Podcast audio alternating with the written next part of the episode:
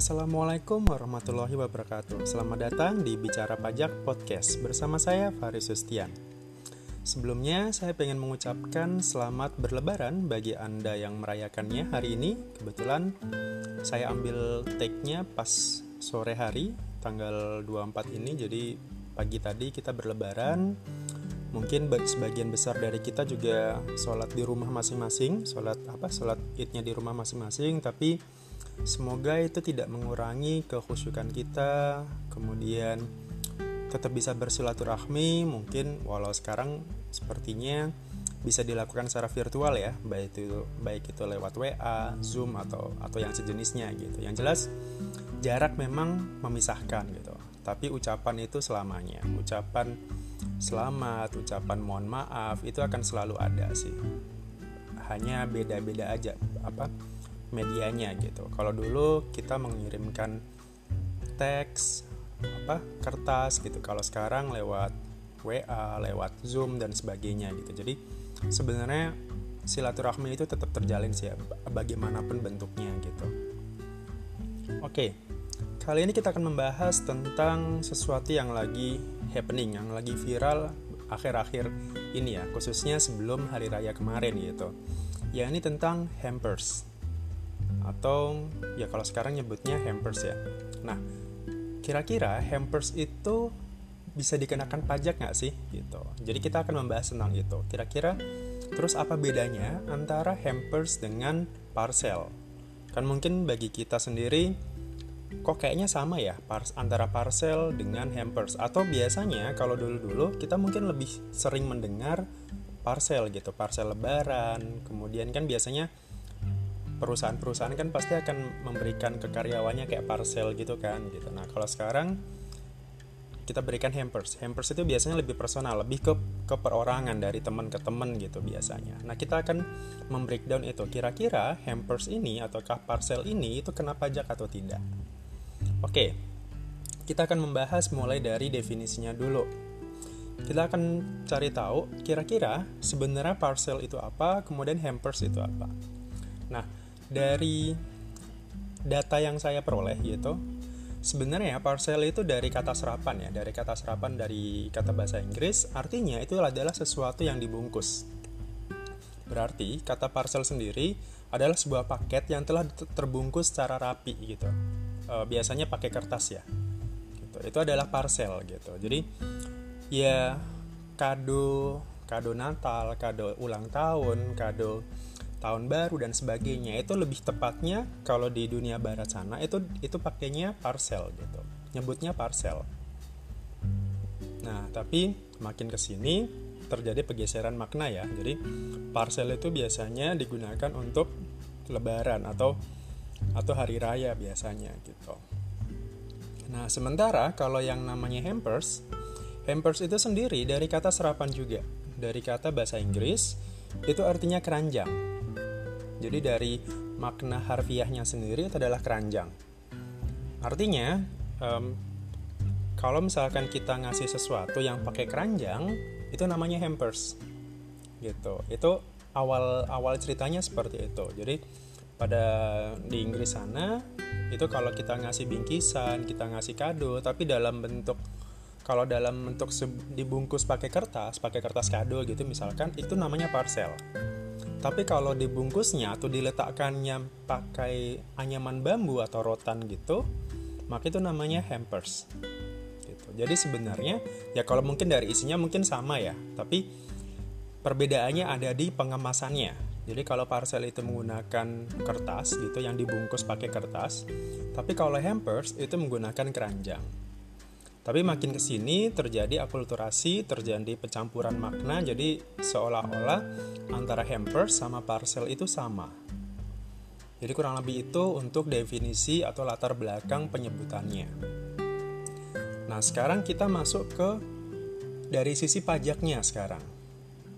Kalau dari sisi pajaknya sebenarnya kita bisa merujuk ke undang-undang gitu. Ada ada di undang-undang sebenarnya jadi kalau yang namanya parcel atau hampers tadi itu kan biasanya diberikan ketika hari raya ya, entah itu Natal atau tahun baru atau Idul Fitri seperti sekarang gitu. Nah, Kalau merujuk di undang-undang, kita bahas ke penghasilan dulu. Yang namanya hampers itu kan berarti kita dapat kita dapat sesuatu ya. Kita dapat sesuatu, entah itu dari perusahaan kita atau dari teman kita gitu. Nah, kalau kita merujuk ke undang-undang khususnya di di tentang penghasilan. Penghasilan itu kan sesuatu yang tambahan ekonomis yang diterima oleh wajib pajak. Kemudian baik itu dari luar atau dari dalam Indonesia, kemudian dalam bentuk apa pun. Nah, di sini ada kata-kata dalam bentuk apa pun. Penghasilan terus yang menjadi highlight adalah dalam bentuk apa pun. Artinya, penghasilan ini tidak hanya berupa uang. Selama ini kan mungkin kita konotasinya yang namanya penghasilan itu kan berupa uang ya, gaji, tunjangan, kemudian uang lembur dan sebagainya. Itu kan penghasilan. Seolah-olah penghasilan itu identik dengan uang, padahal tidak. Di kata Undang-Undang PPH, penghasilan adalah yang tadi ya, yang saya sebutkan tadi. Nah, artinya penghasilan itu tidak hanya berupa uang, bisa juga berupa barang. Nah, berarti kan kalau berupa barang, kita bisa nih mensinkronkan dengan yang tadi hampers, kemudian parcel dan sebagainya. Nah, kita bisa sandingkan di situ. Oke, itu poin pertama. Kita poin dari penghasilan itu tadi.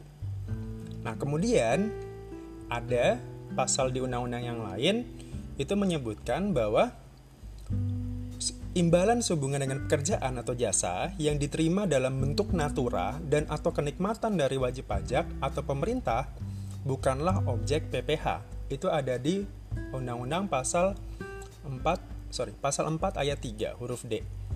Undang-Undang KUP ya, KUP apa PPH saya lupa. Nah, berarti kalau oh ya kalau undang-undang PPH berarti kalau 4 ayat 2 itu PPH tentang penghasilan final kalau 4 ayat 3 itu tentang yang bukan objek pajak. Nah artinya apa?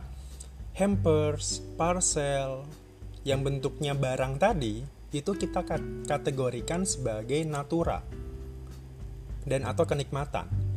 Jadi di di undang-undang perpajakan, di undang-undang PPH penghasilan, itu ada kata-kata natura. Nah, untuk natura sendiri itu bukan termasuk objek pajak. Nah, berarti kita cari tahu dulu kita cari tahu nih, natura itu yang seperti apa sih? Oke, natura itu ya yang berarti yang bentuknya barang. Jadi istilahnya, istilah sederhananya yang namanya natura itu adalah barang. Berarti bukan berupa uang. Sementara kalau yang kenikmatan, natura dan atau kenikmatan kan tadi, sementara kalau yang yang ada kata-kata kenikmatan itu kita analogikan dengan fasilitas. Contohnya contoh sederhananya seperti ini. Saya sebagai karyawan di perusahaan swasta misalkan. Kemudian menjelang hari raya seperti ini, saya dapat parcel atau saya dapat hampers dari dari perusahaan saya Oke, maka parcel tadi atau hampers tadi itu termasuk natura. Termasuk natura yang artinya itu bukan termasuk objek pajak, bukan termasuk objek PPH, pajak penghasilan. Artinya parcel tadi atau hampers yang kita terima tadi itu bukan itu tidak dikenakan pajak. Oke, itu poin kedua ya. Poin pertama tadi Eh, penghasilan itu bukan hanya berupa uang, tapi juga bisa berupa barang atau fasilitas. Kemudian, di Undang-Undang PPH pasal 4 ayat 3 itu disebutkan bahwa barang atau fasilitas itu sama dengan natura dan kenikmatan tadi, yang artinya itu bukan objek pajak. Oke, itu poin kedua. Nah, berikutnya adalah kira-kira syaratnya apa biar tidak dipotong pajak ya kan? Kan pasti di undang-undang itu pasti ada syarat dan ketentuannya. Setiap setiap fasilitas pasti akan seperti itu. Bagaimana atau hal yang seperti apa hampers atau parcel tadi itu yang tidak dikenakan pajak. Seperti itu. Jadi, jelas ya clear bahwa pada dasarnya natura atau barang tadi, hampers tadi itu tidak dikenakan pajak atau bukan termasuk objek PPH, pajak penghasilan. Nah, tapi ada pengecualiannya. Pengecualiannya adalah jika barang tadi, hampers tadi, yang memberikan adalah ini. Yang pertama adalah jika yang memberikan itu bukan wajib pajak. Kemudian, jika wajib pajaknya itu dikenakan pajak secara final, dan yang terakhir adalah jika wajib pajaknya itu menggunakan norma penghitungan khusus sesuai dengan pasal 15 Undang-Undang PPH. Nah, kita jelaskan satu persatu. Yang bukan yang bukan uh, wajib pajak. Itu contohnya siapa? Contohnya seperti yang bukan termasuk wajib pajak, artinya bukan wajib pajak ini ya, yang bukan termasuk subjek pajak, maaf. Jadi yang pertama tadi yang bukan termasuk subjek pajak, kemudian yang wajib pajaknya dikenakan PPh final, dan yang ketiga adalah wajib pajak yang dikenakan penghitungan khusus, norma penghitungan khusus. Atau biasanya wajib pajak yang menggunakan PPh pasal 15. Nah, kita breakdown satu persatu sekarang. Yang bukan termasuk subjek pajak siapa aja? Contohnya adalah kayak kedutaan, kemudian organisasi-organisasi internasional kayak WHO dan sebagainya gitu atau ya duta besar negara lain gitu atau kedubes gitu kan itu bukan termasuk subjek pajak makanya penghasilan mereka ya tidak dipajaki gitu itu yang pertama artinya gini misalkan gitu um, kita saya katakanlah bekerja di kedutaan luar negeri gitu misalkan kedutaan Malaysia lah katakanlah saya sebagai karyawan di sana. Oke. Maka ketika saya dapat parcel dari mereka, maka itu kita anggap sebagai penghasilan yang dikenakan pajak. Gitu. Beda ya, misalkan kalau beda dengan kasus yang pertama tadi. Kalau kasus yang pertama adalah saya bekerja di sebuah perusahaan swasta. Anggaplah itu anggaplah itu sebagai wajib pajak ya.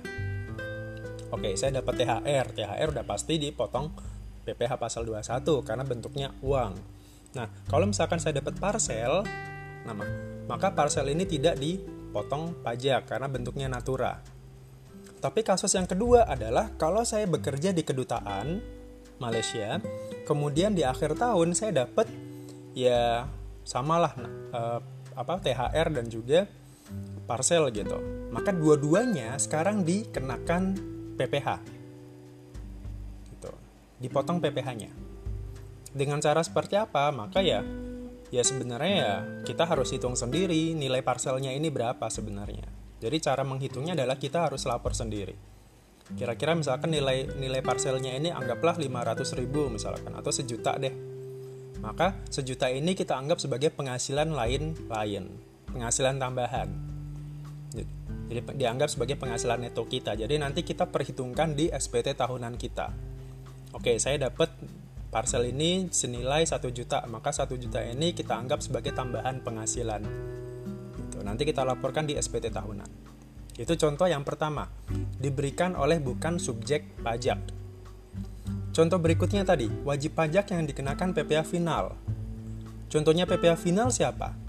Gampangnya misalkan kalau saya ternyata bekerja di perusahaan kontraktor, kalau perusahaan kontraktor itu kan PPh-nya sudah dikenakan final ya, PPh atas jasa konstruksi.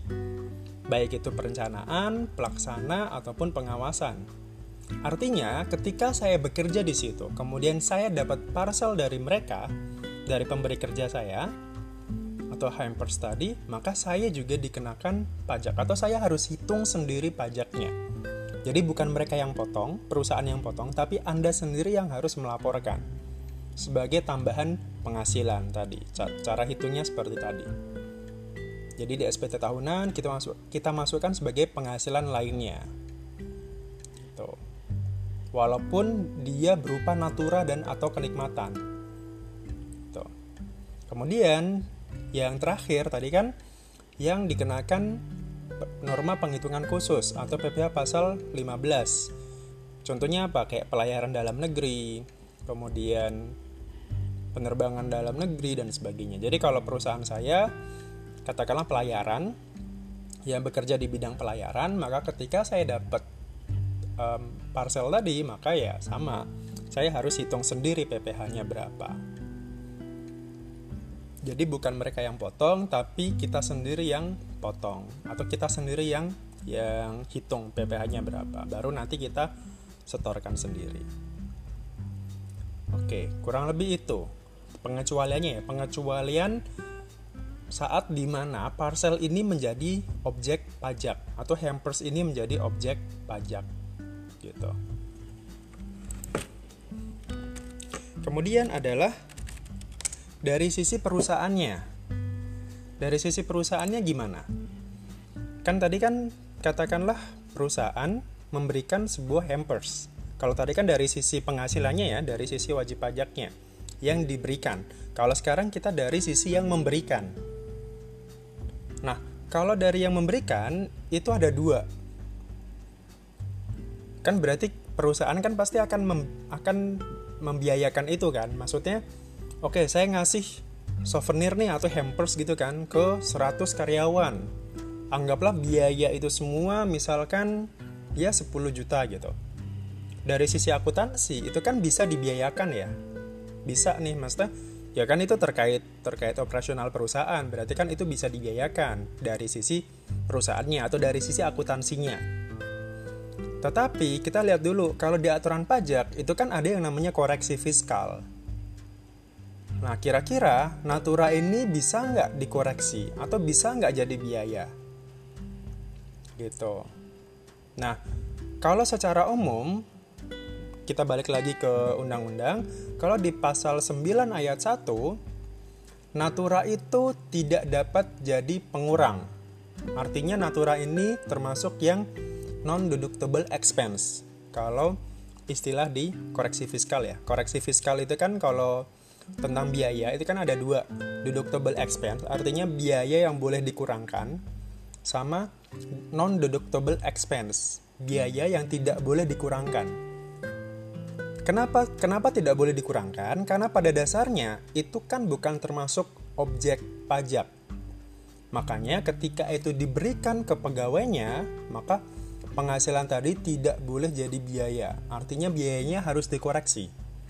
Jadi walaupun kita mengeluarkan uang 10 juta buat parcel ke perusahaan apa ke karyawan, maka tetap kalau dikoreksi fiskal itu tidak boleh jadi biaya. Artinya ya sudah, mau nggak mau itu harus dikoreksi. 10 jutanya tidak boleh jadi biaya. Tetapi ada pengecualian lagi. Boleh jadi biaya selama ini. Ada tiga juga. Yang pertama adalah penyediaan makanan dan minuman bagi seluruh pegawai. Kemudian penggantian atau imbalan dalam bentuk natura dan kenikmatan tadi di daerah tertentu dan berkaitan dengan pelaksanaan pekerjaan dalam rangka menunjang kebijakan pembangunan pemerintah. Jadi ini biasanya di daerah terpencil biasanya. Kemudian kewajiban perusahaan menyediakan sarana keselamatan kerja atau yang sifat pekerjaannya memang harus harus kita berikan. Kita breakdown satu persatu dulu. Penyediaan makanan dan minuman bagi seluruh pegawai. Berarti kalau bentuknya itu natura ini ini berarti udah udah bukan hanya hampers ya bukan hanya hampers ataupun parcel tapi ketika perusahaan gini misalkan saya bekerja di sebuah perusahaan kemudian apa? Perusahaan memberikan ya katakanlah makan siang gratis gitu untuk seluruh karyawannya. Maka itu bukan terma maka itu boleh jadi biaya sorry. Maka itu boleh jadi biaya. Jadi bukan yang yang non deductible expense jadi ini boleh dibiayakan. Termasuk yang deductible expense. Khusus untuk makanan dan minuman. Ke seluruh pegawainya. Jadi tanpa terkecuali. Artinya ya kalau misalkan memang perusahaannya ada 100 gitu pegawainya ada 100 ya udah diberikan semua. Jadi bukan hanya top levelnya atau atau administrasinya aja tapi semuanya dapat itu yang pertama. Kemudian yang kedua, penggantian natura atau imbalan atau yang fasilitas tadi untuk pengembangan daerah terpencil. Jadi misalkan gini, sebuah perusahaan katakanlah ya pengeboran gitu atau kan biasanya pembukaan lahan di daerah terpencil gitu ya. Saya ada contoh dulu waktu di Kalimantan itu perusahaan membangun kayak perusahaan kayu lapis gitu. Nah, kayu lapis ini dia di bener-bener di daerah terpencil gitu. Jadi nggak ada akses jalan nggak ada akses ya jadi dia harus bangun jalan. Kemudian ketika karyawannya datang dia harus bangun sekolah bangun bangun tempat ibadah dan sebagainya. Karena memang kalau harus ke ke apa? Kalau harus bolak-balik gitu ya dari dari kota ke tempat dia bekerja itu sangat jauh dan nggak ada aksesnya. Makanya perusahaan harus membuka itu harus membangun fasilitas-fasilitas itu. Maka itu boleh jadi biaya boleh dikurangkan. Tapi ini pun juga harus persetujuan dari kantor pajak dari pemerintah. Dan itu biasanya ada jangka waktunya. Berapa tahun sekali harus di diperbarui izinnya. Namanya izin izin daerah terpencil. Gitu. Jadi ya kayak tadi misalkan oh ya udah daripada karyawannya bolak-balik gitu kan ini ini nih kita sediakan mes kita sediakan tempat ibadah tem kita sediakan sekolah gitu bagi anak-anaknya gitu kan buat sekolah gitu. Paling tidak ada TK sama SD lah gitu. Kemudian ada jalan dan sebagainya. Maka atas pembangunan-pembangunan itu fasilitas itu boleh jadi biaya. Kemudian yang terakhir adalah kalau terkait dengan aspek keselamatan. Contohnya gini katakanlah perusahaan um, kimia gitu misalkan.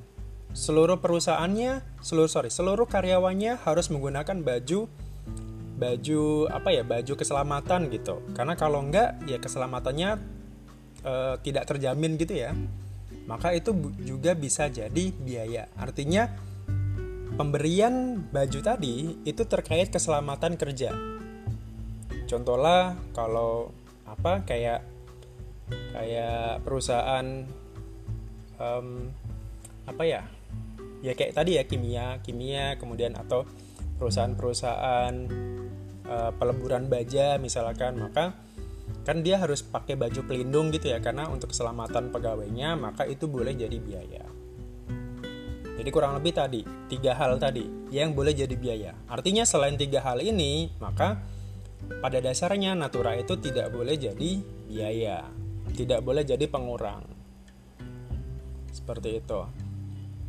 Jadi pertama tadi dari sisi penghasilan, kalau sekarang dari sisi biaya. Penghasilan kalau kalau dari sisi yang menerima. Jadi eh, saya rangkum ya, saya rangkum hampers atau parcel itu pada dasarnya berbeda Parcel itu adalah sesuatu yang dibungkus pakai kertas, sementara kalau hampers itu pada dasarnya dibungkus menggunakan keranjang. Cuman kalau ke sini kayaknya kalau sekarang akhir-akhir ini malah kebalik ya. Biasanya kalau parcel itu dibungkusnya pakai keranjang kan gede gitu. Ada sirup, ada kongguan segala macam. Sementara kalau hampers itu biasanya yang kotak-kotak kecil kayak kue dan sebagainya kan. Padahal kalau dari sisi harfiahnya, kata serapan dari bahasa Inggrisnya sebenarnya kayak kebalik gitu. Hampers itu harusnya ya pakai keranjang. Parcel itu harusnya pakai kertas atau kado gitu, dibungkus pakai kertas gitu. Walaupun ya sebenarnya isinya atau tujuannya juga sama sih, diberikan ke orang-orang atau ke seseorang yang kita kenal gitu. Kemudian dari sisi pajaknya sendiri, dua-duanya ini adalah dimasukkan sebagai natura atau berupa barang yang mana natura ini termasuk hal yang bukan objek pajak.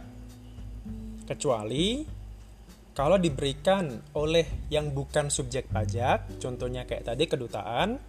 Kemudian yang kedua adalah kalau si pemberinya ini adalah yang dikenakan PPA final, contohnya kayak jasa konstruksi, kemudian developer gitu kan termasuk yang yang PPA final juga yang dikenakan PPA final. Kemudian yang ketiga adalah kalau perusahaannya ini atau pemberi kerjanya itu termasuk ke dalam yang dim profit PPA pasal 15 contohnya pelayaran, penerbangan dalam negeri dan sebagainya. Itu dari sisi penghasilan. Jadi ketika itu termasuk ke dalam penghasilan yang dikenakan pajak, maka mau nggak mau kita harus hitung ulang nih nilai parcel ini berapa kita anggap sebagai tambahan penghasilan. Kita hitung pajaknya berapa, kurangkan PTKP dan seterusnya. Nah, sementara dari sisi biaya, dari sisi yang memberikan, maka pada dasarnya natura ini bukan termasuk biaya yang boleh jadi yang boleh di, apa yang boleh dibiayakan yang deductible expense. Jadi pada dasarnya Natura ini bukan termasuk yang deductible expense. Artinya dia non deductible expense kecuali tiga hal tadi. Kecuali apabila perusahaan itu memberikan makanan atau minuman ke seluruh pegawainya. Kemudian yang ketiga, yang kedua adalah kalau pemberian fasilitas ini atau pembelian barang ini di daerah terpencil, contohnya dia harus buka sekolah, buka jalan, buka tempat ibadah dan sebagainya, maka fasilitas itu semua boleh jadi biaya.